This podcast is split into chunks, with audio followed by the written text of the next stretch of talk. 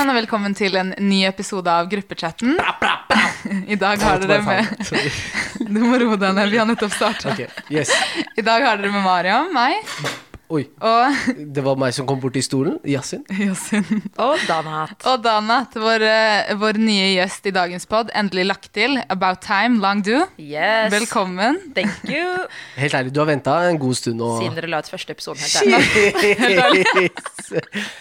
Vi liker det. Vi liker, Etter hver, gang dere hadde episode, så jeg sender dere Dere var flinke i dag. Legge inn aksjer. ikke sant? Funka. Og It er worked. du, og nå er du her. Now er we're here. Er Now we're here. Vil du fortelle oss litt om deg selv, Danat, de som ikke kjenner deg? Off. jeg heter Danat, født og oppvokst i Oslo, bakgrunn fra Eritrea. Eh, gründer og driver i dag et selskap som heter Young Sustainable Impact. Jobber med kompliserte ting som bærekraft og innovasjon. Vi kan Ja. snakke litt mer om det etterpå. Ja, vi kommer til det. Vi det kommer blir til bra. det. Gøy. Uh, jeg, jeg skjønner jo Dan Jeg vet ikke hvordan du skjønner egentlig Danat, men jeg har Danat fra Jeg ble kjent med henne på videregående. Når vi gikk på Lambertseter. Fy søren, Tetris-gamen din. Du var god i Tetris. Oi. Husker du pleide å spille mye Wow. Tetris? Jeg tror det er på grunn av deg at jeg strøk i noen fag. Ikke sant? Nei. vi, ja, vi spilte mye Tetris. Det, gikk i, det var, det var eh, mye Tetris. Ja, det Det var, var det. eh, Og deg da, Mariam? Nei, jeg kjenner deg via Sepsibil. Ja, Ja. riktig. Mm. Riktig. Ok. Så det, Men dere har ikke sett hverandre? Har vi kjent hverandre før det? Tror du? Jeg Nei, jeg tror ikke det. Jeg tror det er der det kommer av. Men det er så rart, for jeg føler jeg har kjent deg mye lenger. Ja, og jeg føler jeg kjenner deg liksom Ja. utenom henne. Men Mm. Jeg tror det er der, der det kommer av, ja. Men det er veldig hyggelig å ha deg her. takk for at du var her. Og jeg gleder meg til å, ha, til å snakke litt om, om entreprenørskap og sånn, fordi jeg kjenner jo litt til bakgrunnen din. Mm. og har liksom fulgt litt med eh, på hva det er du har eh, gjort eh, de siste årene. Og syns det er ekstremt spennende og morsomt. Eh, så Men vi går over til første spalte. Først Fem raske. fem raske. Folkens, da kjører vi fem raske. Eh, vi kjører fem raske i rekkefølgen Dana til Yesin Mariam. Okay. okay? Eh, så da stiller jeg et spørsmål, og så svarer dere altså det første dere kommer på, og så diskuterer vi det i etterkant. Få null støtte fra de rundt deg, oppnå drømmene dine, men ha ingen å feire med når du har oppnådd drømmene dine. Eller få mye støtte av de rundt deg, men kun oppnå halvparten av drømmene dine, og så ha folk å feire med når du har oppnådd dem. We're going hard in! Oi! Ok, den siste, ass. ja. Ja. Ja. Eh, Den siste her òg. Jeg trenger noen å feire det Nei, med. jeg er enig. Jeg er enig altså. Ok, vi er enige. Siste. Uh, jeg, Eh, var, jeg var egentlig ja, Nei, Den vi går videre. tar det, vi tar det vi tar det, vi tar det etterpå, avslappende strandferie eller backpacking? Backpacking. Backpacking. Backpacking. Og hva skjer her? Oi, oi, oi! okay. Bra trio i dag. eh. Det, kanskje vi må ta en, en reise snart? Eh, når burde man slette bilder av en eks? Hva da, med en gang? Når det blir en eks. Ja. Ja, Med en gang du har funnet ut at du er ferdig. Enig. Eg- Egentlig til og med litt før. Litt før du har gjort det slutt? Litt før man gjør det slutt. Bare sånn gjør det tydelig at hei, vi er eh, Jeg, jeg har en ting jeg skal utfordre dere Ok. på Okay. vi diskuterer. Ok, Ok, Du Ja. husker det? Ja, ok, ok. greit. Ja, en, eh, eh, helst når det blir en eks, da. Ok, ok. Ja, nei, jeg er enig. Jeg syns man skal gjøre det, altså slette bilder med en gang man har skjønt at det er en eks. Ikke for tidlig heller. Mm, Fordi du vil ha liksom minnene hvis du går tilbake til personen. det er det. Du kan arkivere bilder. da. Ja, det er sant. Godt poeng. Sånn der My Eyes Only på Ja, Snapchat. helt riktig. Eh, kan man være en etablert eller fullkommen kvinne uten å gifte seg? Ja. Definerer ekteskap deg om du er fullkommen? Um, men det kommer an på hva fullkommen egentlig er. Samfunnets standard, typ. Eh, Så ikke, Jeg vil ikke si Men det blir dumt, da. For, Eh, det- ja, men jeg sier raske siden. Ok, uh, uh, jo eller ja. Ja, ok, ja, Ja. enig. Har du vært en toxic venn? Nei, håper jeg. Ja. Ja. Og så kjører jeg Sa du nei, Danat? Oi, det kommer, det kommer. oi, oi, oi. Ok. um, siste, nå, nå tar jeg med en bonus da når vi kjørt Fordi det er egentlig fem raske, er men du fem har en ekstra. Men fordi vi har med Dana til dag, så må vi ta med en ekstra. ok. Være i et forhold med, med en som poster forholdet deres konstant på sosiale medier, eller en som aldri poster det på sosiale medier og ikke nevner at han er i et forhold engang. Oh, eh, han eller hun, da. Ja, han eller hun, avhengig av Ja, ja. hvem- det er du prater Ja. om. Siste, men hva mener du? Jeg skal ikke evne det. Så, så, så utenfra perspektiv så virker det som han er singel. Han eller hun er singel. Uff, det er ikke bra. ass. Men det er heller ikke bra at uh, men, men, for eh. Ok, men siste. Siste? Ja. Jeg er kanskje på Den er vanskelig, ass. Den er tøff, men, Men uh, Ja, jeg må være på første. ok. Siste. Ja. Jeg er på, jeg er på Okay, Hvordan kommer du på disse her execution-spørsmålene Jeg her? koser Hei, meg på YouTube. det her, det her var, det her var eh, dype spørsmål. Jeg forventa sånn potetgull, godteri Det er Nei, nei, var- det her er gruppechatten. It goes down in the DMs. Men vi kan være enig i at det var sånn Fem raske egentlig startet. Sånn Stratus eller Freia. Mm. Ja. Men nå det, det- er det dype spørsmål. ja, det har liksom evolusjonen evolusjonen av eh, fem raske. Den har vært Ok, første, da. Dette med støtte og oppnå drømmene sine. Mm. Alle vi valgte at vi hadde valgt At vi heller vil ha noen å feire, men ha færre oppnåelser. Ja. Ja. Men jeg tenkte liksom sånn Du kan jo også få til mye alene, og så dele den med de og være med de på å dra de opp liksom, med det du har fått til. Fordi da har du kanskje midler til å kunne hjelpe andre opp og frem. Med enda mer mulighetsrom enn hvis du bare oppnår halvparten. Samtidig så er det jo kjipt å måtte på en måte ofre en del av drømmene sine for å fortsette å ha den støtten. Det sier kanskje litt om Jeg vet ikke. Kanskje det- det, er selektiv støtte. Men dette ja. er liksom kvalitet fremfor kvantitet-opplegg, da. det, ja, det er, Skal man ha ja. kvalitet i liksom måloppnåelsen sin, så vil man gjerne kanskje ja, øh, føle at det faktisk er en sånn milepæl man har oppnådd med de rundt deg. At det på en måte ja, omfavner flere, da. Ikke at man gjør det aleine. Man trenger jo alltid folk rundt seg, da. Og liksom når tiden er vanskelig, når det er bra. På den ene siden, la oss si du prøver å skulle liksom gi ren tilgang til hele verden. Hvis jeg kan gjøre det fordi jeg finner opp noe og jeg går min egen vei, og skaper det for 50 millioner i verden, og kanskje ikke feirer med andre, så gjør jeg det for det større. Ja, ok, sånn, ja. The greater good, liksom. Ja, selv om, ja. Jeg ser den, Men det er mange sider å se på det fra, da. Jeg ser den. Men, men tenk å sitte der på slutten av det hele løpet og føle at du gjør det her aleine. Ja, da er det ikke verdt det. Fordi det er jo prosessen. Det er jo liksom ikke slutten. Fordi ok, du kommer dit, og så hva er neste? Du må gjøre noe mer. Hva skal du stoppe å å liksom fungere når du har nådd ja. ditt? Skal du holde det gående på egen hånd for alltid? Og du trenger noe for å holde det gående. Ja. Hvis du er den som finner på ting, hvem skal liksom Du trenger folk. Jeg tror det siste sp eh, svaret var Ja, det riktige. jeg tror det, der, Ja. det kommer kanskje litt an på hvordan man er som person, da. Ja, helt klart. Jeg er glad i å ha mennesker rundt meg, og det Ja. er vel dere også. Ja. Uh, ja. Når burde man slette bilder av en eks? Du sa før man gjør det slutt. Nei, jeg sa Nei, vær forsiktig nå, Mariam. I mean, Jeg sa det òg. var det ikke det han sa, Danne? Jo, men jeg sa det òg. Ok, Ja, men jeg, jeg, jeg, jeg sa når det blir en X først. Ja. Ok. Og så sa jeg Men det er ikke noe problem å eh, altså, fjerne bilder før man faktisk gjør det altså, Nå snakker jeg ikke sånn flere måneder før, men sånn i denne overgangsfasen når man vet at ok, greit, dette er liksom går mot ende. Um, bare sånn at man kanskje Ja, man, man først og fremst hos seg selv tenkte Nei, jeg hadde gjort det sånn, i hvert fall. Men du hadde arkivert først før du hadde sletta? Fordi det er ikke det samme. Han har dem lagra i en Nei, harddisk. nei, jeg hadde ikke arkivert dem. Uh, jeg hadde nok slettet dem. Men jeg tenkte, ting, fordi jeg tenkte sånn, ok, når, når det er slutt Men samtidig så er det sånn, ok, men la oss si du har samme person x antall år. Bare fordi det er slutt, betyr ikke Hvorfor skal man liksom erase minnene av det man har hatt sammen, selv om man går videre? Jeg tror alt er avhengig av på en måte hvordan det har- har tatt slutt. Ja. Uh, hvis det endte dårlig, så delete all the pictures. They got to go. um, men hvis man kanskje altså, men, så er det også det på en måte når du skal starte et nytt kapittel med en annen person, vil du sitte og ha Ta disse minnene ja, Det var det jeg tenkte på med å arkivere bilder. Hvis plutselig ny, ny Ja, ser de gamle Ser- bildene. Altså, eh, Men det er jo en del av liksom din fortid og historie òg, da. Det er det. det, er, Og de det opplevelsene det. man har hatt. Ja. Men, men, men trenger man å bli Trenger en, en ny person i livet ditt å bli, liksom, få dette slengt i trynet? Nei, det er nok ikke nødvendig. Nei. Og så et annet, eh, et annet, altså en annen ting er jo f.eks. hvis man er gift, har vært gift, Mm. hatt barn, og så har man masse sånne familiebilder, skal du liksom klippe bort eksen fra familiebildene, Ok, men det blir et helt nytt nivå, da. Ja, vi ja, ja. Vi må snakke på vårt nivå, Okay, ok, ok. Familie, Ja. Når jeg tenker ekser og sånn nå, så tenker Ja. jeg sånn Nei, man er bare to personer, ikke sånn familie. Ja, Nei da, men jeg er Det er enig med dere. Jeg vil bare det, ja. utfordre det. Ja, men. Jeg, jeg, men vet du hva, Mm. jeg tenker eh, litt før Det trenger ikke å være sånn samme dagen som de sier eh, nå er vi ferdige, at man eh, Mm. da begynner å slette bilder. Ja. Det er sånn, hei. Eh, Men det er meg, da. Så er dere uenige. Det er greit. Ja. Men det er jo sånn som du sa, kanskje det er vei tilbake. Så liksom når det er Og det når er, det ja. Så du hadde arkivert, du, Mario? Nei, jeg hadde sletta. Hvis, altså, hvis jeg i hodet mitt hadde tenkt at det var slutt, så hadde jeg skjedd sletta. Ja. 100 Og Men- går man tilbake, så får man starte på nytt, da. Ja. Du kan finne det i papirkurven. Du har 60 dager, eller noe. Men- han, han men- får komme tilbake i løpet av de 60 dagene. Hva er egentlig årsaken til at man egentlig vil slette bilder idet man egentlig blir ekser, eller uh, før man blir eks? For jeg føler at det, er liksom, det ligger mye mer enn, å bare, Mm. mer enn å bare vise at nå er vi ferdig. Det handler om at liksom, man avslutter et kapittel. Ja. At man gjør det tydelig, tydelig at nå, nå, er det liksom, nå er det ferdig. Altså, jeg, jeg tror på en måte en del av det å på en måte komme seg over en person, spesielt hvis du på en måte har endt dårlig, er jo på en måte å, å fjerne alt som minner deg om den personen. Om du har mange bilder liksom liggende og sånn Snapchat-story som bare kommer eh, en gang i året. Og bare hei, hei, Tre år husker du?» siden. Minner. Det er gjerne noe du vil unngå, da. Ja. I hvert fall i den prosessen der du prøver å komme deg over noen, Ja. tenker jeg. Er det enkelt å slette bilder av eh, med eksen din, liksom?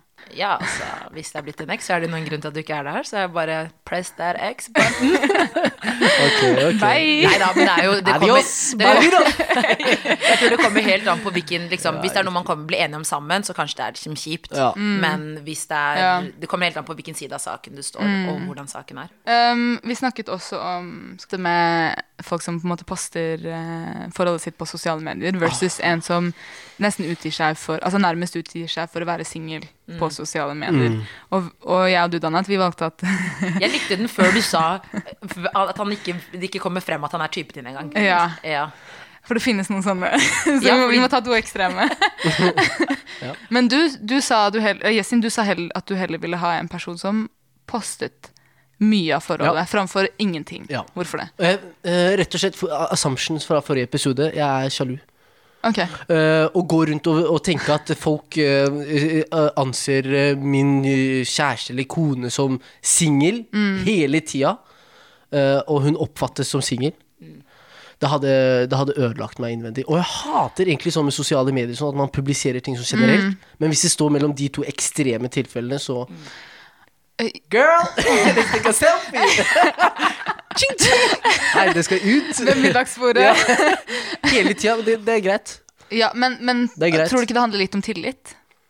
Fordi i utgangspunktet, da, hvis, det er en, hvis du har en partner du har tillit til, så har du også tillit til at partneren din eh, ville håndtert enhver situasjon på en riktig måte. Eventuelt hvis noen skulle kommet bort og se, eller skrevet noe, da. Men jeg At- tror gutter, Du kan si det om det er riktig eller feil, men jeg tror Ja, jeg holder med det, men gutter tenker Jeg vet hun stoler på meg, men jeg stoler ikke på hva guttene tenker om henne. Takk skal du ha. Yes. Dollar in the building. Men det er det. Men det, det, den er vanskelig for kvinner å forstå. Eller noen kvinner, nå skal jeg ikke generalisere. Men noen kvinner syns det er vanskelig å forstå at uh, hvis de anser deg som singel, så er det også en sannsynlighet for at de kommer til å prøve seg. Og den, den er ukomfortabel, å gå rundt og være redd for at folk skal approache Men en du liker. Men da henger jeg med Ja. Maria, men da må man stole på at kona Ja, di klarer, ja, ja. kjæresten din eller Ja. whatever, klarer Ja, ja. å håndtere det. Og at man er, stoler på forholdet, da. Men jeg, jeg ser den. Ja, for hva man liksom går ut i den virkelige verden, da. Det er jo ikke alltid at du kan spotte om noen er gift eller ikke. Og det er altså, helt Bortsett fra å se på ringen, men ja. En karat Du får gjøre den ekstra stor. Den skinner, skinner okay, på en mils avstand. du vil ikke publisere livet vårt? Put that rock on. Det er fem forlovelsesringer, ikke sant? Fem forlovelsesringer og fem gifteringer Ja, på hver ja. ja. Det er viktig, altså. Nei, men, ja, men- ja, men jeg er enig i at det går i tillit og sånn, men tenk da at du at du rett og slett oppfattes som singel hele tida. Jeg vet ikke, Det ville skapt en sånn usikkerhet i, hos meg, i hvert fall. Men hva med en som blotter livet ditt konstant? Er ikke det også på en måte det ja. jeg tror det er slitsomt, fordi det er liksom sånn Jeg tror det kommer helt an på, på person, om man liker å dele ting, om man er åpen, mens det er mange, mange, mange, oi, mange mennesker Remix! Det er mange mennesker som er sykt private og ikke Ja. liker at folk skal vite noen ting om det du holder på med, og hva du gjør. Kanskje fordi de også skal ha flere alternativer, de vil ha færre mennesker enn their business. Men ja. Men eh, jeg tror det er veldig kjedelig å tenke at man ikke blir anerkjent, da, og folk ikke vite at liksom Å ja. Andre, Fordi folk har null, liksom. Det er mange som er sånn der Å ja, du er dame? Ok, jeg skal fortsatt prøve meg på deg. Yeah. ja. Null shame. Folk er reckless. Ja, ja, det er sant. Gutter I er mean- reckless som regel. Jenter òg. Ja. Opplever dere at jenter også er det? Jo. Ja, men ok. Jeg tror det går begge veier. Jeg tror ikke det, men det er greit. Helt ærlig. Man tenker Absolutt. bare det går bra. I'm just gonna hang here it's temporary. I'm just gonna be here. Når det går dårlig, så er jeg her. Er Bare vit jeg er her for deg. Hei, hvordan er formen i dag? Det er sånn dere approacher, ikke sant? Er? Ja, det- utspekulerte, utspekulerte mennesker. Det er man har litt forskjellig taktikk, bare. Vi er kanskje litt mindre åpenbare. Mindre direkte. Ja. Ja, det er greit. Har dere vært en toxic venn? Hva, hva, forklar meg. Var, dere hadde ja og okay, nei her. jeg skal Du sa nei, så du, du er engel, du. Du er per... Explain to me. Jeg vil gjerne lære, lære av deg, holdt jeg på å si. Um, altså, ofte så snakker man om at man har hatt venner som har vært giftige for deg, toxic. Altså, kanskje de har påvirket deg på en dårlig måte, ikke stilt opp for deg, eller behandla deg dårlig. Uh, men jeg tror man generelt, altså i vårt samfunn, i, vårt, i våre miljøer, så ser man veldig sjelden på seg selv og sin rolle, og man selv har vært den taxic-vennen. Nei, jeg, jeg vet, jeg har vært taxic. Ja. Men jeg tar meg selv i det. Er det lenge siden? Uh, trenger ikke å gå i detaljene her, men, men, ganger, men det er den Ja. i, i, i in the moment. Sant? Man blir litt sånn hyped, og så er man med og liksom man er med å hype opp en situasjon. Ja. Da er man litt sånn eh, Man er delaktig. Eh, og ingenting har ført til noe sånn veldig sånn dramatisk, eller sånt, men man har vært med å, å, å Hva tenker du om det nå, da? I, i retro? Det var gøy, da. Det var guttastemning. si. Du gjorde det for gutta. Kjære det gutta. um, Hadde du gjort det igjen? ja. Ja. Nei, men det, Next. Men, men det kommer an på hva, hva egentlig altså, Det kommer an på hva man anser som, som et toxic valg også, da. Det er sant. Ikke sant? Kanskje det jeg mener at vi har Mm. gjort, er kanskje ikke bra, men kanskje noen mener at det hadde vært helt ok å gjøre. Mm. Uh, men jeg vet at jeg var med å hype en situasjon, og da har jeg vært uh, delaktig og, og litt toxic. Ja. Taxico! Jeg tror, jeg tror jeg har vært taxi... Ok, først my past. typ ungdomsskoletidene mine. Da var jeg, jeg var en, ja, kanskje forrige past. Pluss minus. Eh, jeg tror jeg var en veldig toxic person på ungdomsskolen. Det tror jeg. Ehm, jeg tror jeg hadde veldig mange gode trekk òg, men, men det var sånn jeg var back then. Men i, i eldre voksen alder så tror jeg faktisk at jeg har vært toxic i form av at jeg har prøvd å liksom pushe på mine interesser og altså ting jeg har lyst til å gjøre på mine venner. Typ sånn hvis jeg kommer på noen ideer eller, eller ja. Um, og at jeg på en måte kanskje har holdt dem litt ansvarlig for at de ikke har hatt et ønske om å gjøre ting jeg har hatt et veldig stort ønske om å gjøre. Eh, og da stempla dem som toxic, og sa kanskje jeg var the, toxic friend. Du er giftig. Hei, bare I mean, it never worked, så til det, du som lytter, ikke gjør det her. Det er ikke en god taktikk i det hele tatt. Um, men ja, nei, kanskje det å pushe sin egen da. agenda på andre Det funker ikke alltid, altså. Nei. Det funker aldri, vil jeg si. Ja, Nei, okay. Men det er viktig med selvinnsikt også. ja Eh, det Men er det. Ja. Uh, Dana derimot, hun er uh... Pitch perfect. Ja, jeg tror jeg har vært liksom en del av mange toxic miljø, og med andre vært en del av gjengen og gruppa. Ehm, ja. På, ja, jo da. Jeg har det. Jeg har, ok, da. Kanskje jeg er litt mer med dere. Men eh, ja. Shit happens! Shit happens. Kanskje litt på sidelinja. Ja. Ikke sånn direkte. Ja, jeg tror liksom det er en balanse mellom det med toxic Når jeg ser tilbake, jeg har vært en del av ta en del liksom toxic miljø hvor man har kommet sterkere ut av det. Sånn når man ser tilbake når vi vokste opp, idrettsmiljø. Ja. Wow, vi ble roasta og grilla liksom av de andre eldre eller gruppa. Ok, da. ja, ja. Og ja, det kan ha dårlig effekt på liksom hvordan det påvirker enkeltpersonen i det, Mm. men også fordi man blir litt herda. Man blir liksom man blir, Det kan bygge deg litt opp, da. Ok, sånn ja. Mm, Så det er kanskje toxic da, men man kommer liksom sterkere ut av det. Ut av det, ja. Til å begynne med episoden så nevnte du at du har jobbet med entreprenørskap. Um, og du er også en av grunnleggerne av YSI Global. Hvor starta reisen din? Ok, så jeg tror sånn Til å begynne med sånn det med liksom, entreprenørskap Det var ikke sånn jeg gikk inn for at ok, jeg skal bli gründer. Jeg skal starte noe eget. Jeg liksom havnet der fordi vi jobbet okay. med noe jeg syntes var spennende. Ble med på noe, fikk muligheten til å være med mer. Og så bare må man jo ta plass og ta ansvar, og så liksom ble man gründer, da. Eh, mens noen har jo litt den andre veien, Men sånn jeg skal starte noe eget, jeg må bare finne hva det er, på en måte. Og, men eh, vi begynte med Det var bare et engasjement som begynte. Vi var en tydelig respons på I 2015 så fikk vi bærekraftsmålene hvor de, alle nasjonene i verden gikk sammen og ble enige om felles mål som vi skal jobbe med for å få bærekraftig utvikling i verden. Som handler bare om egentlig at vi skal ha nok ressurser til neste generasjon, eh, og at vi ikke skal liksom ta fra de det, eh, basert på vårt forbruk i dag. Eh, og så opplevde vi bare at ok, nå kommer alle liksom, verdens ledere sammen igjen. De bare chatter masse og gjør egentlig ingenting. Eh, og vi har fokus på løsningene. Og samtidig som at unge ikke er en del av samtalen. Og vi er den siste og første generasjonen som kan gjøre noe for å løse utfordringene vi står overfor i dag. Det er sant. Så det var liksom vårt utgangspunkt. Vi tenkte ok, hva hvis vi samler de smarteste unge menneskene i verden for å utvikle noe? Og så tror vi at mange av utfordringene kan løses gjennom entreprenørskap. Så da starta vi, og måten vi gjør det på, er at vi starter nye bedrifter drevet av unge som har fokus på å løse et problem. Og det henger med at liksom du kan fortsatt gjøre bra og gjøre business. Vi har et program da, som vi tar unge folk igjennom. Eh, alt fra liksom bare hei, jeg heter Yesin, jeg har ikke idé, jeg har ikke konsept, jeg har ingenting. Så tar vi deg gjennom å bygge teamet, bygge løsning, validere det. Så det er digitalt, globalt, og vi gikk fra 100 søkere i 2016 til 10 000 i 2017. Ja, det er Ti- 10 000 sånn internasjonalt? Ja, fra Åh, det er kult, ass. 175 land, 10 000, så har vi hatt over 10 000 hvert år. Frem til i fjor. Fjor hadde vi 12 500 søkere. Vi tar bare 25 inn. Det er sterkt, ass. Det er ekstremt kult. Men, men hva skjer med de 25 som blir valgt med videre? Så de 25 blir eh, fordelt inn i team. eh, Og det er liksom det, det, egentlig det, de du skal starte selskapet ditt med. da om du ser på det sånn. De går fem måneder gjennom ulike faser, jobber med å forstå et problem. Ok, vi tilgang til rent vann. Hvorfor har vi ikke det i dag? Hvorfor løser ikke myndighetene det? Hva kan vi gjøre?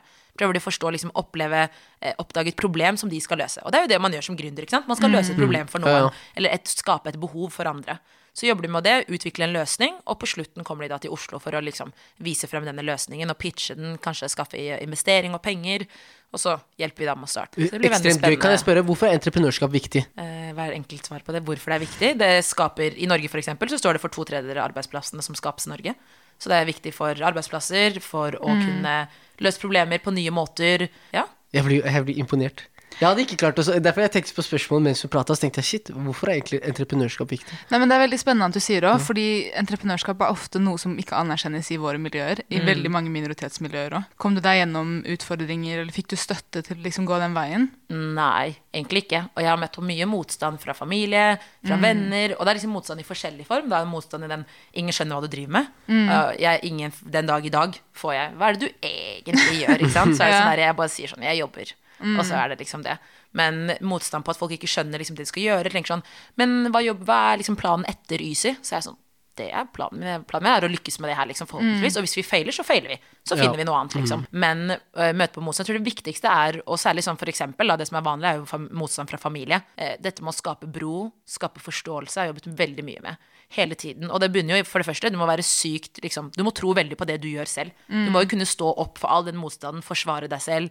Eh, kunne tørre å tro på det, Fordi hvis du blir brutt ned av all den motstanden og alle spørsmålene, så kommer du jo til å klare å stå imot. Gjerne fra liksom vår kultur så er det gjerne de Ali-yrkene man snakker om. Ikke sant? De trygge altså, advokat, eh, lege- og ingeniørutdanningene. Og, og, og gründer for dem, for, eh, for gjerne også mine egne foreldre, det er fjernt. Ja, ja. Og det, og det, er ikke, og det er liksom men igjen så er det jo egentlig ikke fjernt, fordi i mange av landene våre så har du jo liksom alle entreprenørene som selger, liksom har butikker. Eh, men de, har liksom, de tenker for det første at det er usikkert, det er ikke trygt. De har ikke liksom, alle A-yrkene er jo liksom trygge for dem bare fordi de vet at det er det de er kjent med. De vet at det genererer Det er trygghet for deg etterpå. Så det å prøve å tenke liksom Ok, men hvorfor er foreldrene mine Hvorfor gir de meg ikke støtte, da? Hva er det liksom, Prøve å forstå liksom, okay, hva er usikkerhetene deres, og hvordan kan jeg få ned de usikkerhetene, sånn at de støtter meg. Eh, Så det er viss forståelse, vise at du kan leve av det, vise at du tjener penger på det hvis det er det som er liksom utfordringen. da Sørge for å prøve liksom bare berolige dem. eh, For det er egentlig, hvis du spør meg, så er det en jobb i seg selv. Sånn, eh, fordi man ønsker liksom å, å få den, den støtten fra de som betyr mest for deg. Og da må man gjøre de investeringene som liksom Ja, det krever lite grann, men, men jeg ser på det som nødvendig. Nei, jeg er helt enig. Og så tror jeg på en måte at man ofte tror at folk som lykkes, ikke må gå gjennom den, altså den reisen. da. Man måtte altså, ha folk som tviler på deg, måtte overbevise dem. Og jeg tror ofte at i hvert fall for oss som er andre generasjon, så kommer vi til å møte på det fordi det er så mange lukkede dører, og vi blir de første som må åpne de. Og det å på en måte åpne en dør som ikke bare er lukket, men stengt med Ja. metalldør over og liksom Orkantrygg dør, ja, det her, ja, ja. bomberom eh, du, du skal gjennom, liksom. Krever mye mot, altså. Men, Men det er ikke bare det. jeg tenker at Du har ikke et nettverk med ressurser som som også kan hjelpe deg. Og det er, Det er også. det, det er liksom det vi prata om i stad, med med de fem raske. Liksom, Tenk å være en sånn ressurs for de rundt deg. Fordi det er en mangelvare hos oss. Definitivt. Eh, og jeg, jeg vil ikke anse meg som en gründer, akkurat, da, men jeg har også vært med på den nytenkningen. Og sånn, sta, skape arbeidsplasser og litt sånn. Og det er vanskelig når man ikke har folk rundt deg som enten har gjort det før, så du, du må liksom Du må falle og opp igjen og reise deg. Og så, Ja. og så, det er gjentatte ganger. Hadde man kanskje hatt folk rundt seg og liksom et nettverk med, hvor man kunne dele erfaring, eh, og diskutert liksom ok, eh, fallgruver, da. Hva man ikke bør gjøre. Så, så, kom man, så er veien mye enklere, og den Danat står jeg til stor respekt for. Liksom, du har baner. Jeg, jeg vil egentlig si at hun har, du har vært med å bane vei for ganske mange eh, jenter og, og gutter med minoritetsbakgrunn, og, og tenker liksom gründerskap. At det liksom er Det er noe man kan Det er noe som liksom driver en Ja, og det ser man jo nå. Det er jo liksom, og jeg tror bare sånn generelt For mange år siden så var det som hvis du sa at jeg skal være grunn, det ble liksom uglesett, og det var liksom der utrygg jobb. Mens nå er det inn, og alle skal jobbe med liksom oppstart, og alle store bedriftene, eller Ja. det er små, og alle skal ha litt den erfaringen. Så jeg tror liksom det skifter. Det blir veldig liksom attraktivt for veldig mange, og man lager en sånn derre eh, sånn, Før de som er først, må jo liksom ta på seg den vanskelige jobben. ikke sant? Men jo flere som er det, så blir det jo bare enklere å si sånn Å, jeg skal bare bli som Mariam. ikke sant? Fordi da har de et referansepunkt Helt til hva er entreprenørskap, Ja. hva, er gru, hva er liksom det.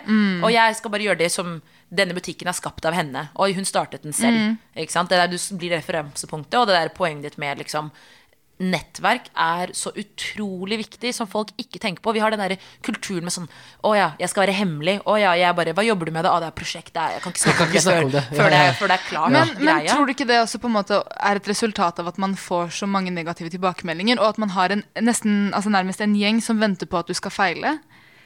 Jo, jeg, jeg tror det. Fordi jeg- jeg, jeg tror det òg. Ja, Men jeg tror vi må gå litt bort fra den og tenke at det er greit å feile. Ja, det er jeg enig i. Men det er jo i feil, altså, hvis du ikke har feilet som gründer, så er det veldig rart. Mm. Da, er det liksom, da er det flaks bare hvor du har fått Ja. det til, og det er en av veldig få. Så dette med å snu bildet av liksom, å feile er også kjempeviktig. Og dette med nettverk, som er sånn Vi hadde aldri fått til de tingene vi har fått til med Ysi hvis ikke vi hadde hatt de riktige folka vi kunne ringe hver gang vi hadde en utfordring. Mm. Hva skal jeg gjøre nå? Jeg bruker veldig mye mitt nettverk, og for meg er det så viktig at andre skal få gjøre det. Så derfor driver jeg et nettverk for unge eritreere. Mm. Nettopp basert på å liksom hjelpe hverandre, bygge hverandre opp. Vi har flere generasjoner foran oss som har bandt vei. La oss bruke det så ikke jeg går de samme feilene om og Mm. om igjen. Men har dere møtt på motstand og liksom Jeg vil si jeg har møtt på en del motstand. Um, For hva er det du egentlig har gjort, Mariam? Ok, det som, Jeg har ikke starta en bedrift. Uh, på en måte, så, Sånn sett så har jeg ikke på en måte drevet med noe sånn veldig sånn starte initiativ? Man trenger ikke liksom også se Ja. på starten, men det er Nei, sånn, ikke sant. Ja. Men, men der jeg har møtt motstand, og det, jeg føler liksom, ikke sant, dette vi snakket om, det å være andre generasjon, er at du vil møte motstand overalt. I altså alle felt du besøker. Så der jeg har møtt motstand, er f.eks. når jeg valgte å reise. Um, veldig, altså, veldig sjeldent syn at du ser en jente som ligner på meg, ser ut som meg, altså synlig muslimsk kvinne, reise så mye som jeg har. Og det var veldig utfordrende, fordi når jeg delte disse tankene med venninner og familie, så var de sånn De lo av meg. Um, og var litt sånn mente jeg var Altså at det var helt urealistiske planer jeg hadde lagt, og, og, og ja, støttet det ikke da i det hele tatt. Sa at jeg drømte for mye. Resultatet av det var jo at jeg lukket meg. Så for eksempel, da jeg reiste til Asia i 2017, eh, besøkte syv land. Jeg fortalte venninnene mine at jeg skulle besøke ett land. Alle som vis altså, de eneste som visste hvor jeg skulle, var hun jeg reiste med, hennes familie og min familie. That's Ja. it. Så til og med mine nærmeste venninner fikk det med seg via sosiale medier. Og det, var et, og det er derfor jeg sier at jeg tror det må på en måte Jeg er helt enig med at det å på en måte holde ting for seg er dumt. Fordi man ikke utveksler ideer og sånne ting. Samtidig så er det sånn at hvis du sitter i en posisjon der du er veldig sårbar for input rundt deg, og folk hele tiden bare kommer med negative kommentarer eller virkelig ikke viser noe støtte, da, selv om det kan være urealistiske ideer eller planer er- Altså, du er veldig lett påvirkelig, da. Og for min del så måtte jeg bare stenge det ut. Og det førte jo til at siden da så har jeg jo reist masse og dratt så mange destinasjoner, men jeg har holdt det for meg selv før jeg drar. Og det handler kanskje også litt om miljøet, da. Som man er inne på sånn. Man har jo kanskje også venner for ulike ting, men det å være i riktig miljø er også sykt viktig. Jeg hadde aldri gjort så alle de tingene jeg har gjort, hvis ikke jeg hadde vært i miljøene jeg har vært, hvor jeg har sagt ja til nye muligheter, og sagt ja, ja til ting jeg ikke kan noen ting om. Ja. Men så sier jeg bare ja, og så lærer jeg meg det mens jeg går, og så jeg, får jeg en ny mulighet fordi jeg gjorde den andre tingen.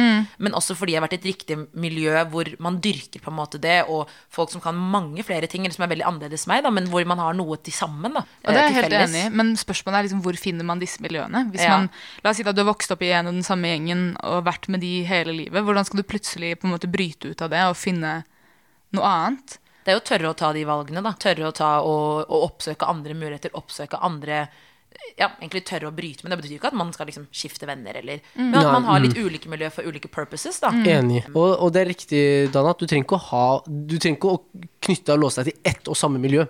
Og bare leve med det fordi det er det miljøet du har.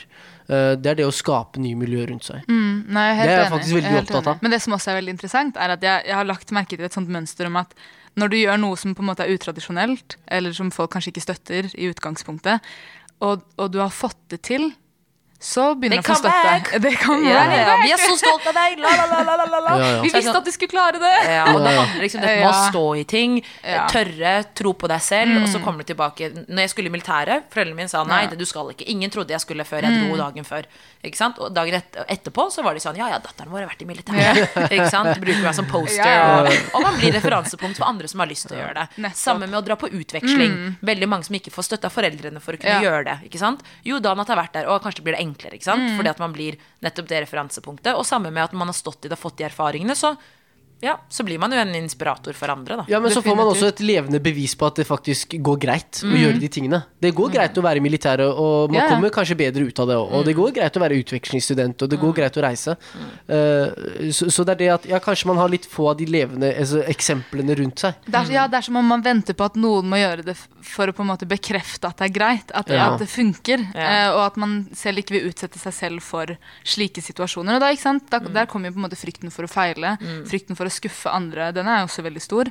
Og, og jeg tror det, alle disse tingene er med på å holde oss tilbake når vi egentlig er skikkelig ressurssterke. Ja. Jeg tenker sånn, i hvert fall Hvis man er flerkulturell, det å reise med flerkulturell bakgrunn, ekstremt bra. Du connecter altså, du, du får en sånn kobling til folk på en helt annen måte enn hvis du skulle hatt en helt annen bakgrunn, da, hvis dere skjønner hva jeg mener. Jeg tror bare man forstår folk på en helt annen måte. Og man kommer liksom Man forstår at folk er annerledes og møter det på en annen måte enn det kanskje andre gjør. da Andre kan møte og tenke 'Å, det er rart', liksom. Tenker bare 'Å, nei, det er helt naturlig'.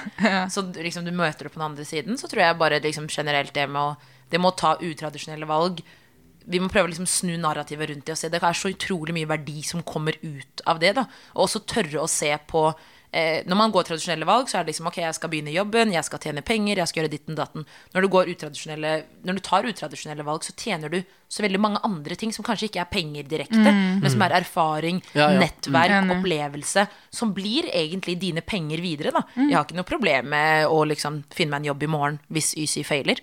Det har vi alle. Jeg har bygd erfaring som hadde tatt meg 20 år til å få. Og det er kanskje ikke penger i dag, men det er en verdi i det. da Så se de verdiene, og se liksom tørre å gå den, den andre veien. Og hvis man er redd, så må man jo spørre noen andre som har gjort det før. Eh, Wow, jeg fikk lyst til å gå og skape noe nytt. Man blir litt sånn. Ja, ja. ja. Nei, men det, Nei, men men det er sant. enig, Den ja. risikoen Men folk tenker ofte at uh, det er et tapsprosjekt om man ikke tjener liksom, Om de ikke gir deg penger tilbake. Økonom, ja. Altså at, at det ikke er noe uh, penger å hente derfra. ergo så er det ikke suksess. Ja. Men det, det er ikke sånn. Også med ofte nyetablerte gründere og selskap mm. osv. De De går ofte i underskudd noen år før de faktisk får pluss og grønne tall. ja, Tre til fem år før du er helt- liksom helt normalt. ja, du må Helt stole prosessen. Ja, ja. å, stole prosessen. Stole,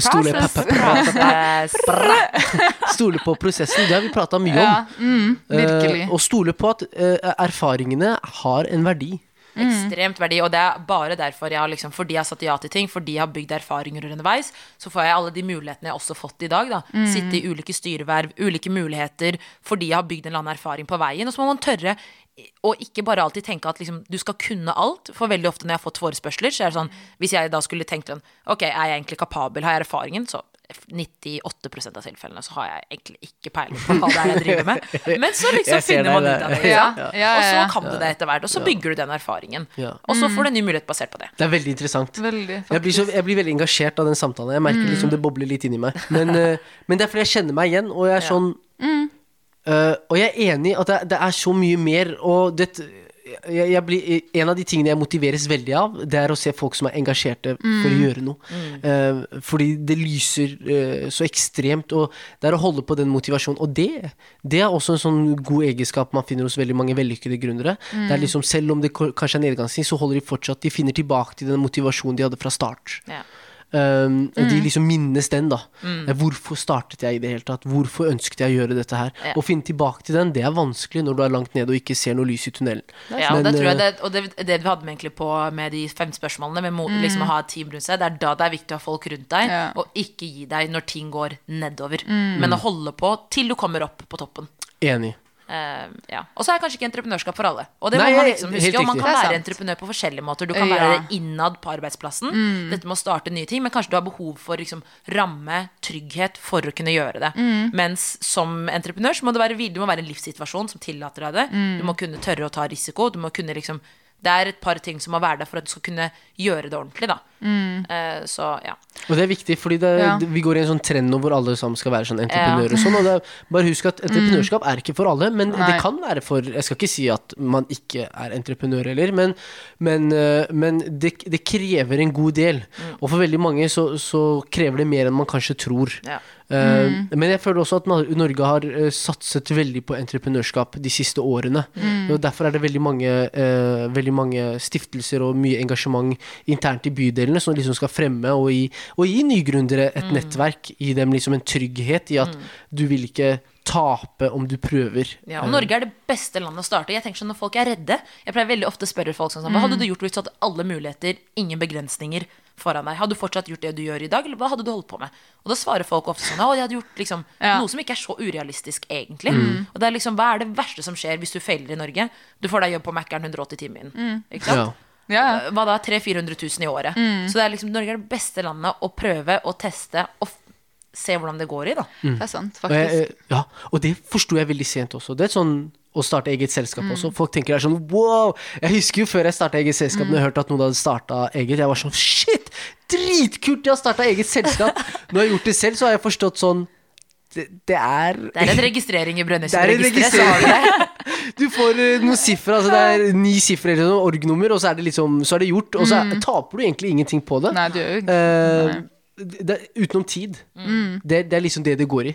Eh, men så mye annet som vi bruker tida vår på nå om dagen, så, så vil jeg, eh, vil jeg liksom Jeg oppfordrer folk som sitter med en idé, Mm. om, å, om å finne et nettverk hvor man på en måte kan prøve, prøve seg frem. Og snakk med folk om det. Fordi Ja. du må få validering på det du gjør. Du kan ikke jobbe med noe altfor lenge, og så kommer du ut, så er det for sent. Så har toget gått. Tørre å snakke om det, å, og, og da må du tro på den, ta tilbake feedback, og så gå tilbake på skrivepulten.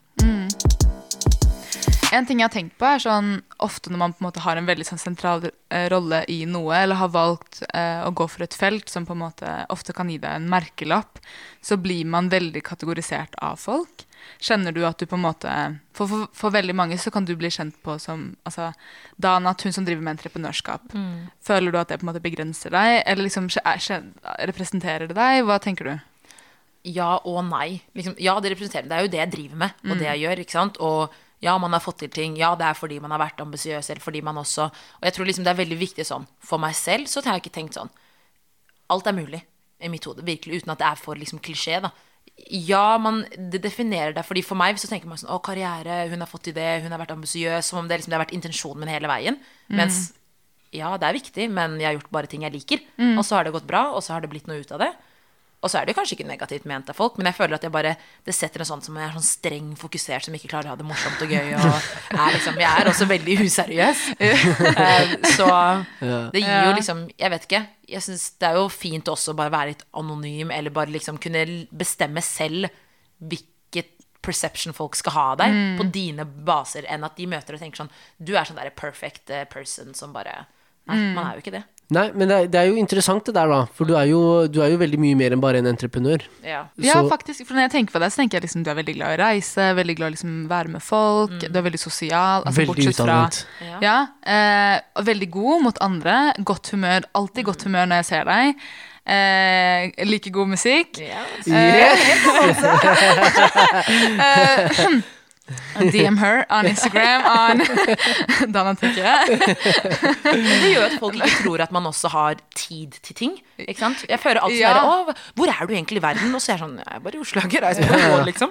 Så tenker du bare «Ah, Vi føler helt at du er der og der, eller at du Ja. ikke har tid til Vi inviterte deg ikke, for vi tenkte du ikke har tid Nei, slapp av, jeg blir invitert til ting. Ja. Liksom sånn jeg, Vi trodde ikke du hadde tid til det. Sånn, man får jo tid. Til det man har lyst til. Ja, Man ja, jobber fra Ja. 8 til 4, eller mm. og entreprenører er flinke på å liksom planlegge tiden sin. Da. Ja. Så ja, man har jo alle disse antagelsene som setter begrensninger for deg. Ja. Det er vel andre dere? som setter begrensningene for Ja. deg. Og det er litt sånn jeg, Noen ganger så opplever jeg det som en litt sånn urimelige begrensninger også. Mm. Men samtidig så, så må man anerkjenne dem, fordi de er, de er litt sånn man, man forstår også hvorfor de er der. Og jeg får ofte den eh, ja, sånn, du, du er så opptatt. Mm. Uh, men det er rett og slett fordi ingen andre krever tida mi.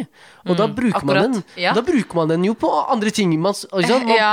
man bruker jo tida på det man ønsker å bruke tida på, og hvis det ikke er noe annet som, som er der, så, så går den på kanskje være på jobb eller drive med entreprenørskap eller eh, drive med andre hobbyer. Og, og det er også kanskje fordi det, sånn man ser på jobben sin, er ikke bare jobb. Du ser på det fordi det er, noe du liker å gjøre, noe du liker å bruke tiden din Ja. på. Og det er også forskjellen på noen som jobber for å tjene penger for å leve livet sitt, eller sånn som for meg, så er det å jobbe Jeg jobber for å Gjennom jobben jeg gjør, så prøver jeg å få til de tingene som er viktige for meg. Mm, ja, og det er forskjellen, ikke ja. Ja. sant? Noen som jobber bare Jeg skal være 8 til 4 for å tjene penger som gjør at jeg kan bruke pengene mine på å lage musikken jeg egentlig vil gjøre, ikke sant? Mens jeg jobber med Ysi fordi jeg får bidra til å gjøre verden bedre. Ja, det der, det, for det, la Det- meg heller si at jeg ikke er ledig. Takk skal du ha. Inviter meg. Inviter meg! Where's my invitation? Samme med spørsmålet, ikke sant? Folk setter deg i bås. La heller meg lage båsen, enn at du skal lage den for meg. Preach. Ja, ja, jeg er helt enig. Helt Wow, enig. preach, girl. Preach. Hva tenker du, da? Nei, jeg er helt enig. Jeg føler, jeg, altså, eh, mitt perspektiv, altså det jeg har opplevd, er at Ok, For jeg har liksom fra en ung alder ofte vært en kreativ person. ikke sant? Eh, fra en veldig ung alder tok jeg eh, bilder. Det begynte da jeg var 13 år. Og det var liksom min greie. Jeg ble liksom sett på som å, hun som tar bilder, hun som filmer, hun som lager videoer. ikke sant? Eh, og så kom jeg plutselig til et punkt der jeg ønsket å studere psykologi. Det var noe helt annet enn Ja. hva man egentlig skulle tenke. Ja, og for mange så var det sånn Hæ, men du skal jo egentlig studere foto. Du skal egentlig studere film. Hvorfor går du den veien? Det her er sikkert ikke noe for deg. Og det å på en måte Altså, jeg, jeg fikk høre det så mange ganger av folk som bare var sånn De skjønte det ikke. Og jeg tror problemet er at man ofte tenker at man skal være én type person. Men det kan være flere sider av meg. Jeg er fortsatt den samme kreative person som liker å ta bilder og liksom filme og whatever. Men, men jeg er også glad i andre ting. Jeg andre interesser, andre ting jeg ønsker å utforske og liksom Som faller deg naturlig å gjøre. Ja, fordi Akkurat som du, de er en du del av ville meg. forske på hvorfor jeg sparer hår selv om det ser wack ut. Forske. Wow. Jeg stilte ett spørsmål. Du ville, du ville starte et sånn Han vil starte forskningsprosjekt. forskningsprosjekt på hodet mitt. Ja, ja, ja. ja, ja, ja. Leter etter contestants. Slide in i DM. Ja. Men, men ja, man har ulike sider. Man utvikler seg hele tida. eh, Ja. og, og man finner nye interesser. eh, Og, og det, det er helt normalt. Og skap dine egne eh, båser, er det det som er i flertall? Båser? Ja, ja. Og, og det problemet her er jo at i hvert fall hvis man er i et miljø som ønsker å begrense deg på den måten, så sitter du kanskje med så mange eh, kvalifikasjoner som kunne vært brukt til mye bra, men du begrenser deg fordi folk har et bilde av hvordan du skal være, og du følger det bildet, på en måte, eller du følger de restriksjonene som er satt. Og det er jo ikke bare på en måte en vennegjeng, eksempel, men også samfunnet, de, de kravene samfunnet Siste episode så var jeg helt sånn Fuck det siste! Du var sterk den forrige episoden. Ja, vi tar det igjen nå. Men virkelig, og det er på en måte Derfor er det veldig viktig å noen ganger kanskje bare ta et steg tilbake og skjønne ok, vet du hva, det er så mye mer til meg enn den ene tingen jeg driver med. Det samme går vel med dette med entreprenørskap. Du kan være den stå-på-kvinnen, sterke kvinnen som får til så mye rart, men det er så, det er så mange sider til, altså ved deg, da, um, som jeg syns er fint at man ikke begrenser.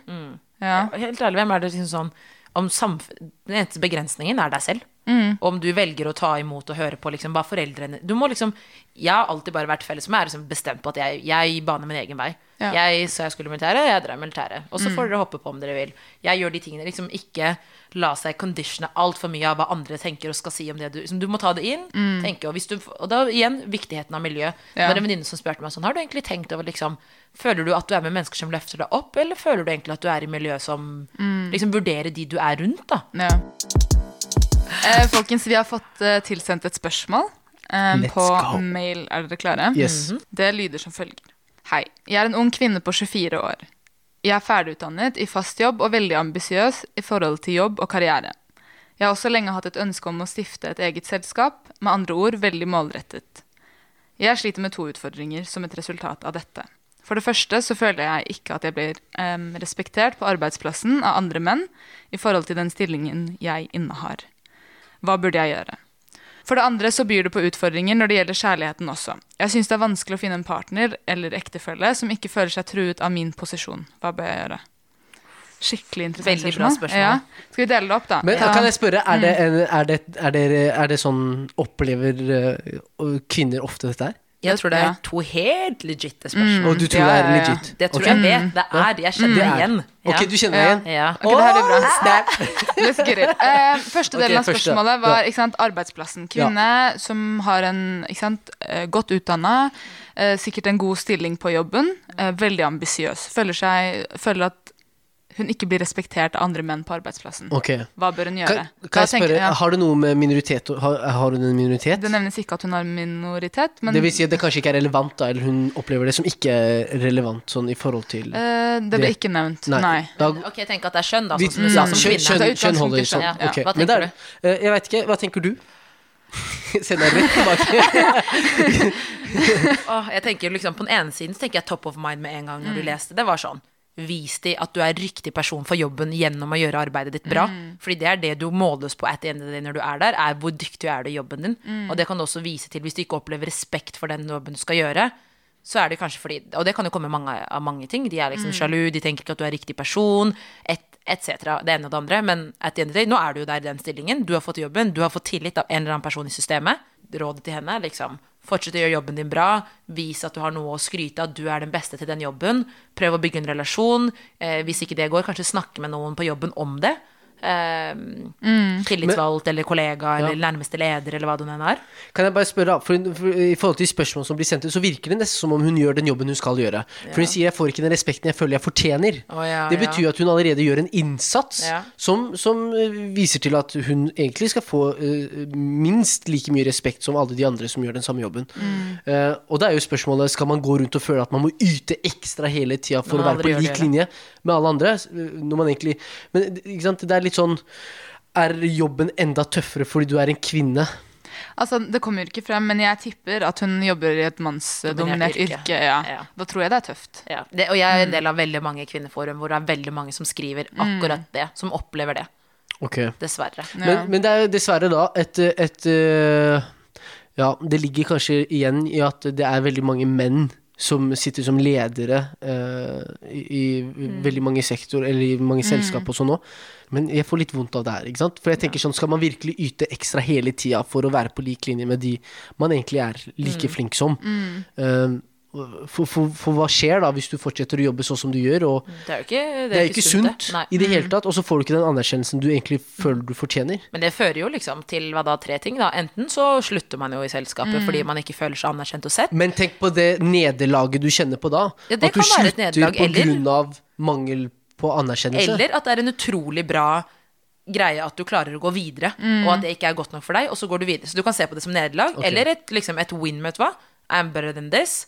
Jeg går videre. Eh, Kan jeg komme med et konkret tips? Ja. Systematisk gå inn med å sammenligne deg selv med andre. helt riktig. uh, sammenlign ditt arbeid med andres. Sammenlign dine resultater med andres. Mm. En jobb viser ofte til et resultat også. Mm. Riktig. Hvis det er salgsyrke, så viser det hvor mye har du solgt sammenlignet med andre. Mm. Eh, og da kan du også ofte vise til eh, ta en samtale med nærmeste leder. Eh, du kan også snakke med hvis det er organisert. Mm. Ja. Uh, hvis det er organisert, så kan du, har du fagforbundet som støtter deg, og litt sånn. Og du har også tillitsvalgt Mm. i jobben. Eh, man kan ikke at man kanskje alltid trenger å snakke om det med de andre ansatte, men si at hva er gjennomsnittslønnen for den type arbeid en person gjør i min rolle?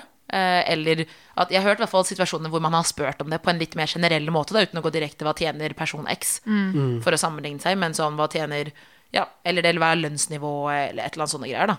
Ja.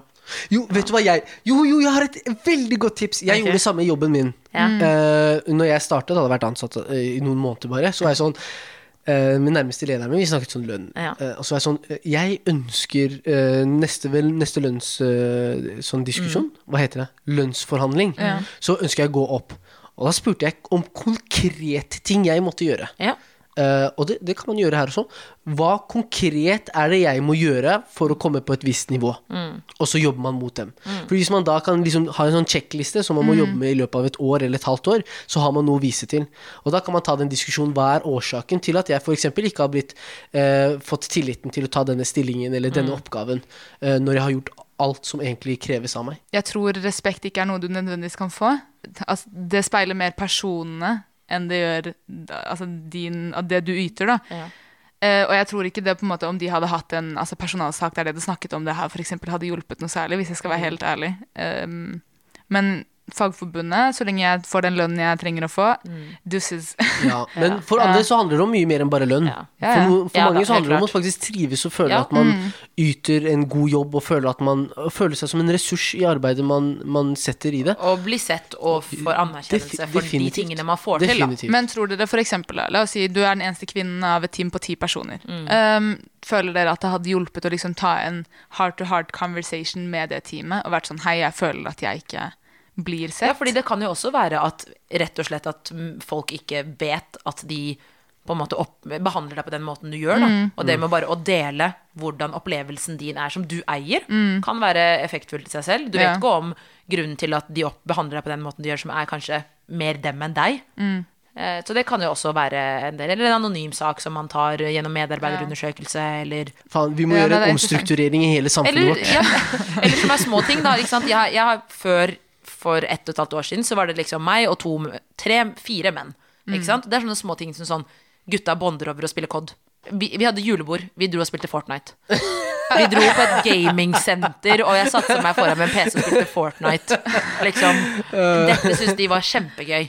Eh, Ja, litt ensidig hva vi syns er gøy. Kan? Så det er sånne ting man må Du får tenke ta det over. med på karaoke neste gang. Eller sånt. Kan ikke dere spørre hun jenta, da? Ja, men vet du hva, eh, til alle gutta der ute også, prøv Ja. å inkludere jentene. De kan kjenne på ting som dere kanskje ikke tenker over. Og samme hvis det er mange damer og kun få menn eller en mann i gruppa. Ja. Ja, og ta ansvar, for det kan ofte være veldig komfortabelt å ikke ta ansvar. Og bare se det skje, eller være med på det fordi ok, det er sånn kulturen er i, i Og tenke at personen må ta ansvar for det selv. Ja. Ja. Så, så nei, det er en stor jobb å gjøre her, egentlig. Vi heier på deg, i hvert fall. Og det å være en kvinne go, i! Eneste Yes. kvinnen blant et stort team, da, hvis det er situasjonen, er tøft. You got this. Bruk andre, andre bra folk rundt deg. Hvis det er noe, kontakt meg. Eh, Det er fullt, ja, si fra, så vet jeg sikkert om flere damer som kan eh, bidra med tips. Herlig. Så eh, Det var, og så det Kjempebra. Eh, Da har vi besvart en del av spørsmålet. Ja. Andre delen er eh, også veldig interessant. Så det er dette med å på en måte finne kjærligheten eh, når man er ikke sant, suksessfull, eh, altså veldig selvstendig kvinne som også er ambisiøs. Um, der hun sa at hun kjente på at uh, hun kanskje føler at det kan virke litt truende for uh, menn. Hvorfor? Ja. Why? Why? why, hva, hva, hva da? Hvorfor, Hvorfor kan, hva? Hvorfor er det utfordrende at en kvinne er ambisiøs? Spør du meg? Ja. Nå kommer spørsmålet fra en kvinne. Vi kan snu Kan det generelt, men du må starte. Nei, nei jeg, jeg syns ikke det er et problem at en kvinne er ambisiøs. Men det kan by kanskje på noen utfordringer, avhengig av hvordan du er som mann. da. Um, noen menn syns jo kanskje det kan virke truende at en kvinne skal gå inn som en forsørger eh, i et hjem, f.eks. Og for, for noen menn så vil de kanskje bli litt usikre på seg selv og sin rolle. Eh, hvorfor ser dere sånn på meg? Fordi eh, jeg vet at det kommer noe mer. Nei, nei, vet du hva, jeg skal ikke jeg vil Jeg ikke- Nei, jeg ikke, Jeg er redd for å svare. ikke hold tilbake. Nei. Du trenger ikke å snakke på vegne av deg selv. Nei, jeg snakker ikke på vegne av meg selv. Du kan snakke på vegne av en venn. Det funker, det òg. Ja, på vegne av en venn. Nei, men det kommer helt an på hva slags type menn vi snakker om her. Eh. Snakker vi om kanskje litt eh, menn som, som kanskje er litt tradisjonelle, så er det selvfølgelig også litt utfordrende, for da kommer Mm. man fra en kultur hvor det er veldig tydelige kjønnsroller. Og da gifte seg eller finne en kvinne som liksom skal være den som forsørger, være den som er ute og jobber osv., så, videre, så er det litt sånn Dette er kanskje ikke helt den matchen man ser for seg. Uh, og det er kanskje fordi man har dannet seg et bilde av hvordan man ønsker at det skal være uh, i, i, mellom disse fire veggene. Ja. Og Mariam blir jo om Nei, nei. hennes. Uh, men for en venn Ja, ja. så tenker jeg at jeg tenker at man kan jo være Som en kvinne så kan man være ambisiøs og også ta rollen som kvinne hjemme. eh, uten, altså Det trenger ikke å gå på bekostning ah, Vent da, vent litt da Hjemme. Emphasis on hjemme. nei, men en, en, mann har også, en mann har også roller hjemme. Ok. okay? Ja, en mann har også roller hjemme. Hør meg da, Mariam. Ikke døm meg. Nei, men nå tror Jeg du at jeg er sånn Nei, se meg. Ok? Uh, men jeg tenker at den ene trenger ikke å gå på bekostning av den andre. Ja, det er det jeg mener. Hvorfor, liksom, hvorfor henger de sammen, egentlig? Liksom, da? Ja, ok, greit. Hvis jeg skal tenke, da, sånn Ja. som kanskje noen menn tenker, så er det kanskje noen menn som ønsker at kvinnen skal være mer hjemme. Og det blir jo eh, urealistisk om man får en kvinne som er veldig sånn ambisiøs, yrkesmålretta, ikke sant. Sikter høyt. eh, og det, det er jo en utfordring i seg selv. Hvis man som mann føler at Hva om jeg da for eksempel som mann føler at jeg vil være forsørgeren, jeg vil være den som jobber de ekstra timene. Eh, og så får du i stedet for en kvinne som ønsker det samme som deg. Det er jo Er ikke det en mismatch? Hvem skal være hjemme? Hvem, hvem skal hente barna fra barnehagen? Get yourself a nanny. Ja. Nei da, men jeg tror det handler jo liksom om verdier, da. Finne en partner som man deler samme verdier, samme perspektiv som. Ja. Eh, og da er det kanskje ikke riktig person for deg hvis du finner en person som Jeg tenker litt, Vi snakket om det her litt innledningsvis, men liksom hvis man hvis du finner en person som opplever det som truende at du er ambisiøs, så ville jeg tenkt at den personen må se innover seg selv og tenke ok, hvorfor opplever jeg det som truende at jeg gjør min greie og får til det jeg gjør? Eh, og enten ja, kanskje man ikke føler at man er for den forsørgeren, kanskje det utfordrer din rolle, kanskje den, det bringer frem usikkerheter at oi, hun får til noe jeg ikke får til. Ja. Eh, de type tingene der. Men at the end of the day, det er ikke på den personen. Hvorfor skal det gå utover de menneskene liksom, som gjør de bra tingene? Mm, er Men da enig. tenker jeg sånn, da er ikke du bra nok for den personen heller, da. Ja, da er det en mismatch, sånn som du sa. Ja, ja. Men, men du nevnte også det her med usikkerhet. Og jeg så, jeg så en video som ble lagt ut der de snakket litt om det her. Um, og da kom det frem at eh, noen menn, ikke alle, noen menn eh, ser på det som ikke bare eh, truende, men hvis de har en kvinne som er veldig selvstendig, og de f.eks. ønsker å gjøre noe for kvinnen, så føler de at det egentlig ikke har så mye verdi, fordi kvinnen i teorien kunne gjort det for seg selv. så det går jo, det går jo litt Ja, på det her med ego, og, og det på en måte tenke at man på en måte skal være bedre enn den andre parten, eller ikke sant? den som skal forsørge, eller hva, hva enn det er, da. Ja, så Ja. Man føler kanskje ikke at det er behov for deg fordi det virker som om personen får til alt. Men det går tilbake til det vi snakket om i stad. ikke sant? Det virker som du tror at personen har alt på plass. Men en sånn person trenger jo også støtte, emosjonell støtte. Det kan jo være at en person får til masse, men fortsatt setter pris på alle de tingene som en, en annen type person også hadde satt pris på. Liksom. Det er igjen da, liksom, Hvor setter du denne personen i bås? Hva tenker du? Og det, det, det jeg opplever veldig ofte at mange nå er jeg dame, sånn som at mange menn setter alle disse liksom bygger opp en mur før man i det hele tatt kommer i gang. Men igjen, kanskje det bare er at det ikke er riktig person som setter pris på de tingene du bringer med. da. Det må jo finne seg en person som setter pris på at hun er ambisiøs, at som er likesinnet, som syns det er gøy. Hvis hun from, from the get-go treffer en person som ikke setter pris på noen av de tingene, så er det en utfordring fra start. Ja, han vil jo bare stå i veien uansett, tenker Ja, jeg. og da utfordrer man jo perspektivet og verdisynet til hverandre, da. Ja. Hm. Jeg syns det er interessant, men samtidig også veldig vanskelig. Fordi jeg, jeg forstår jo også eh, en manns Eller veldig ofte eh, så har jo menn et eh, behov for å føle at de er liksom en forkjørger. Eh, og den, den, den er viktig. Jeg tror den er, eh, den er undervurdert. Men hva mener du, hva betyr forsørger da? Fordi forsørger før kan- betyr jo forsørger, kan jo bety noe annet nå. Ja, eh, ja, godt spørsmål. Jeg veit ikke. Hva betyr egentlig en forsørger nå? Jeg tror det kan være, det kan være forsørger finansielt og materielt. Liksom at man bidrar til hjemmet, og det er det, liksom det vi har hatt tradisjonelt.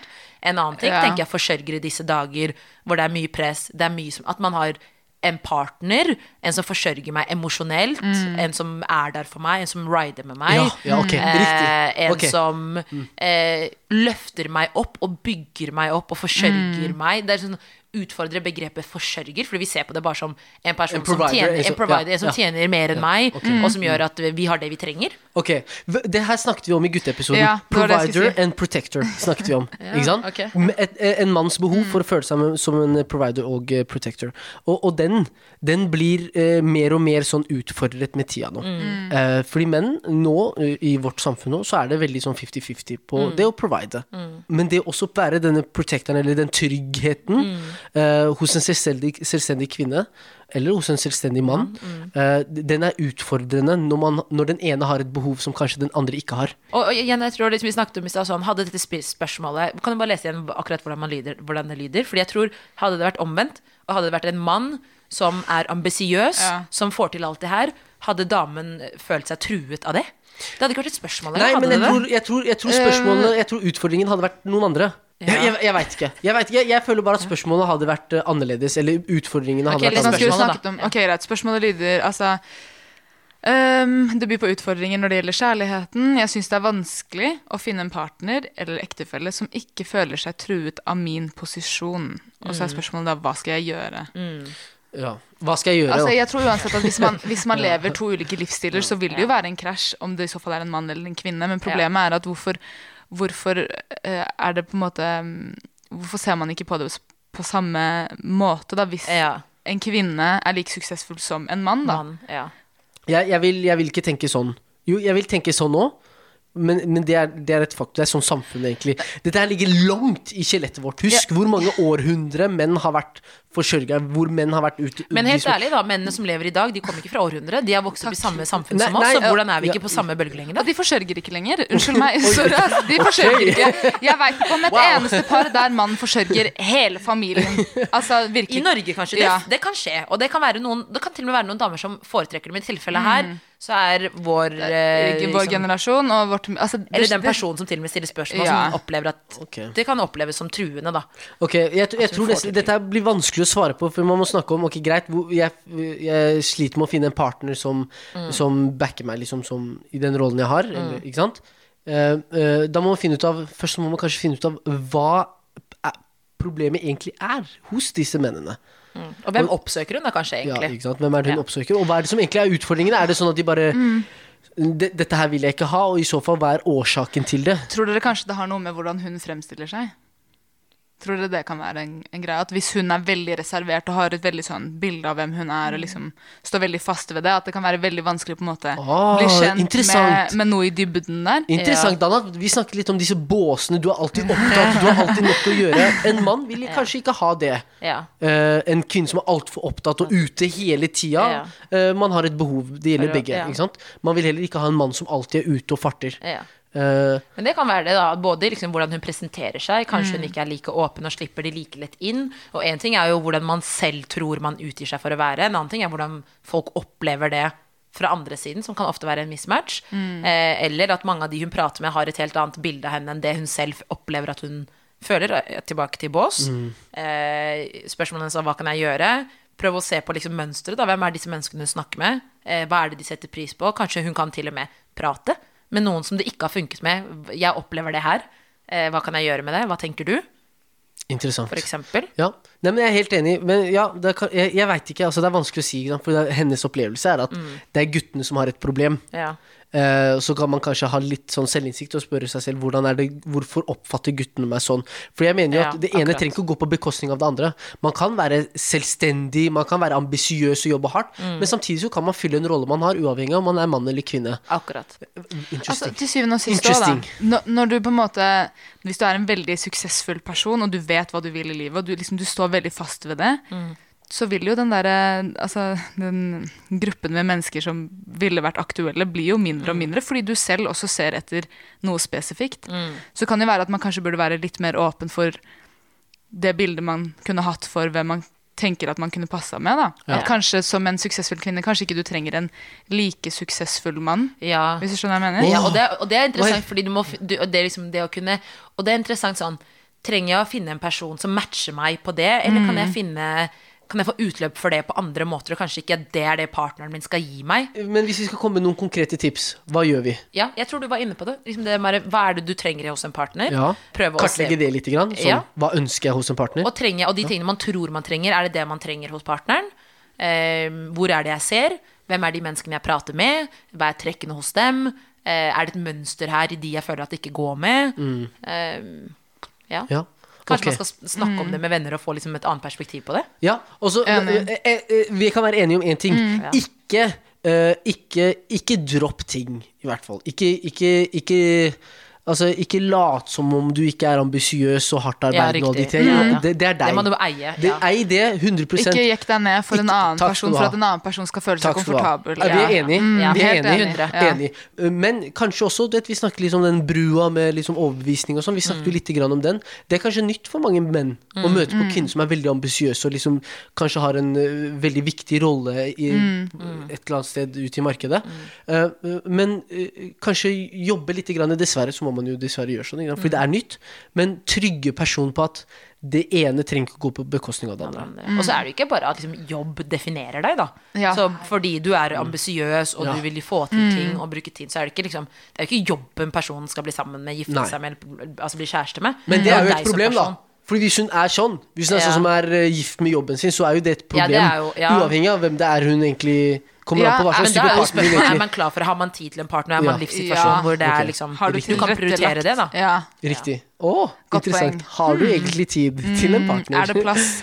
Ja, Eller skal har, ikke har du egentlig tid, for vi snakket om at liksom, du får til det du tror. Men er det en prioritet, da? Ja, ja. ok. Ja.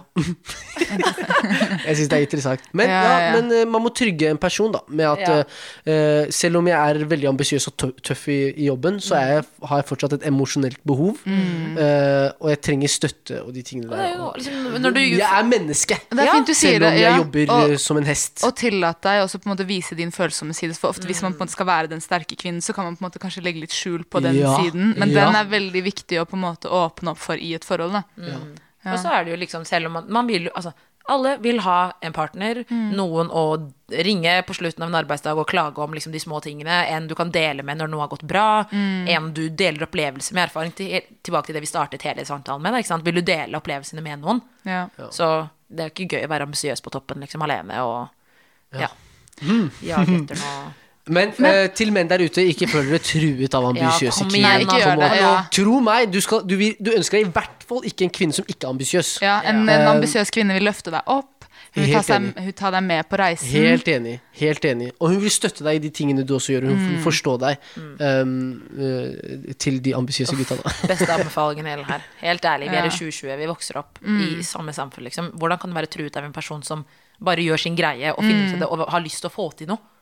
Ja, det er kanskje ikke dypere enn det engang. Ja. Nei, da må man gå inn i seg selv. Ja, ok, hvorfor føler jeg meg trua av det? Ja. Og så må man jobbe litt med det, ass. Shit, men jeg, jeg jeg legger merke til Vi er den generasjonen som ønsker øh, flest forandringer på kortest tid. Sånn utifra, men Men det er ikke negativt. Det er ikke, jeg, Nei, nei. nei, ikke Jeg føler det Mariam, du Men Jeg føler deg det helt vi Hva er tenkte du på i forhold til det? Altså, Ja. altså, ting har vært veldig uh, mye av det samme Altså, det har gått i mye av det samme i ganske Mm. mange generasjoner. Og nå er vi i en tid hvor veldig mye skal forandres. Mm. Uh, ja, og- ting beveger seg kjapt. Men nå times. beveger det seg Ja. veldig veldig Ja, ja. raskt uh, med ting. Altså Man finner et problem i det man har hatt i veldig mange generasjoner, og det skal forandres på veldig, veldig kort tid. Eh, jeg er bare redd for at noen eh, kommer til å få voksesmerter. Jeg Men det er jo helt naturlig for vår tid. Alle endringer som har tatt tid eh, alle de endringene som f.eks. har tatt 60 år før, tar 10 år nå. Det handler liksom om tiden vi er i. Vi er i en tid hvor ting skaleres. Du har teknologi, du har samfunnet, vi er globalisert. Vi ser mer, så ting går raskere. Det definerer den tiden vi lever i nå. Um, Men den er skummel. Ja, hvorfor Jeg- syns, hvorfor nei, syns du det er skummelt? Jeg, jeg vet ikke, Hva om du kommer fra en generasjon hvor, hvor du verdsetter de tradisjonene som er, men så vokser du opp i en ny tid hvor, som jobber imot det du har vokst opp med. Og det er liksom å sitte mellom altså, La oss si hvis jeg hadde Det er jo der fra vi sitter, da. Der, der, er Ja, som andre generasjon, ja. Jeg kommer liksom fra en familie La oss si hvis jeg hadde kommet fra en familie da, som er veldig tradisjonelle, og så vokser jeg opp i en tid hvor liksom det ikke skal eksistere kjønnsroller. Og så kommer jeg fra en familie hvor jeg har sett at dette har jo fungert kjempebra. Og jeg ønsker det sånn, men det krasjer jo med hva samfunnet egentlig aksepterer nå. Jeg tror grunnen til at Jeg syns det er et godt poeng, og jeg tror det at man liksom em, Det skal jo være lov Jeg tror grunnen til at man liksom møter ofte på negativitet når man f.eks. hvis man hadde uttrykt at man ønsker kjønnsroller, er fordi at den ofte har vært negativt vinklet med Ja. at den har vært, Ja, uttrykk, at den har vært undertrykkende. ikke sant? Mens hvis du ønsker Det er jo veldig mange Jeg tror man skal også huske, liksom, selv om man f.eks. tilbake til med å være ambisiøs, Kanskje det personen er kjempeambisiøs, men ønsker det supertradisjonelt hjemme. Tilbake til dette med å ikke anta, da. Men jeg tror at man ikke skal liksom man skal jo selvfølgelig stå for det man ønsker, og ikke være redd, og ikke være redd for å bli kritisert eh, for det man ønsker Ja. og tror, da. Ja. Um, men, eh, men det er noe liksom Jeg tror vi er i en tid hvor man eh, må ta med seg på en måte det som har vært bra, og så liksom sette det sammen med det som er nytt, da. Og i hvert fall, du må i hvert fall være i en situasjon hvor du forstår på en måte hvor vi står. Hvis ikke du følger med, så blir det jo bare liksom, da blir jo alt veldig vanskelig. Ok, Følg med, hvis ikke så blir alt eh, veldig vanskelig. Det blir en avsluttende lecture fra Danat Tekke. Danat, tusen takk for eh, en kjempefin episode. Vi runder av. Hvor er det vi kan finne deg? Eh, Damateket på LinkedIn. Nei da, du finner det også på da vet du ikke. Dette er, det er ikke lett lenger nå. jeg. Du finner meg på Facebook, Damateket, Instagram, Damateket også. Samme. Nei, men Så bra. Det har vært veldig hyggelig å ha deg her. Eh, hvis, hvis noen av lytterne våre har noen spørsmål, så kan de sendes inn til gruppechatten at hotmail.com eller på Instagram at gruppechatten. Vi har også et anonymt skjema eh, i linken i bioen, eh, så send inn spørsmålene deres der. Vi gleder oss til å høre. Vi gleder oss Vi til å høre. Ja. Adios, bandidos! Bye bye. Ciao, ciao.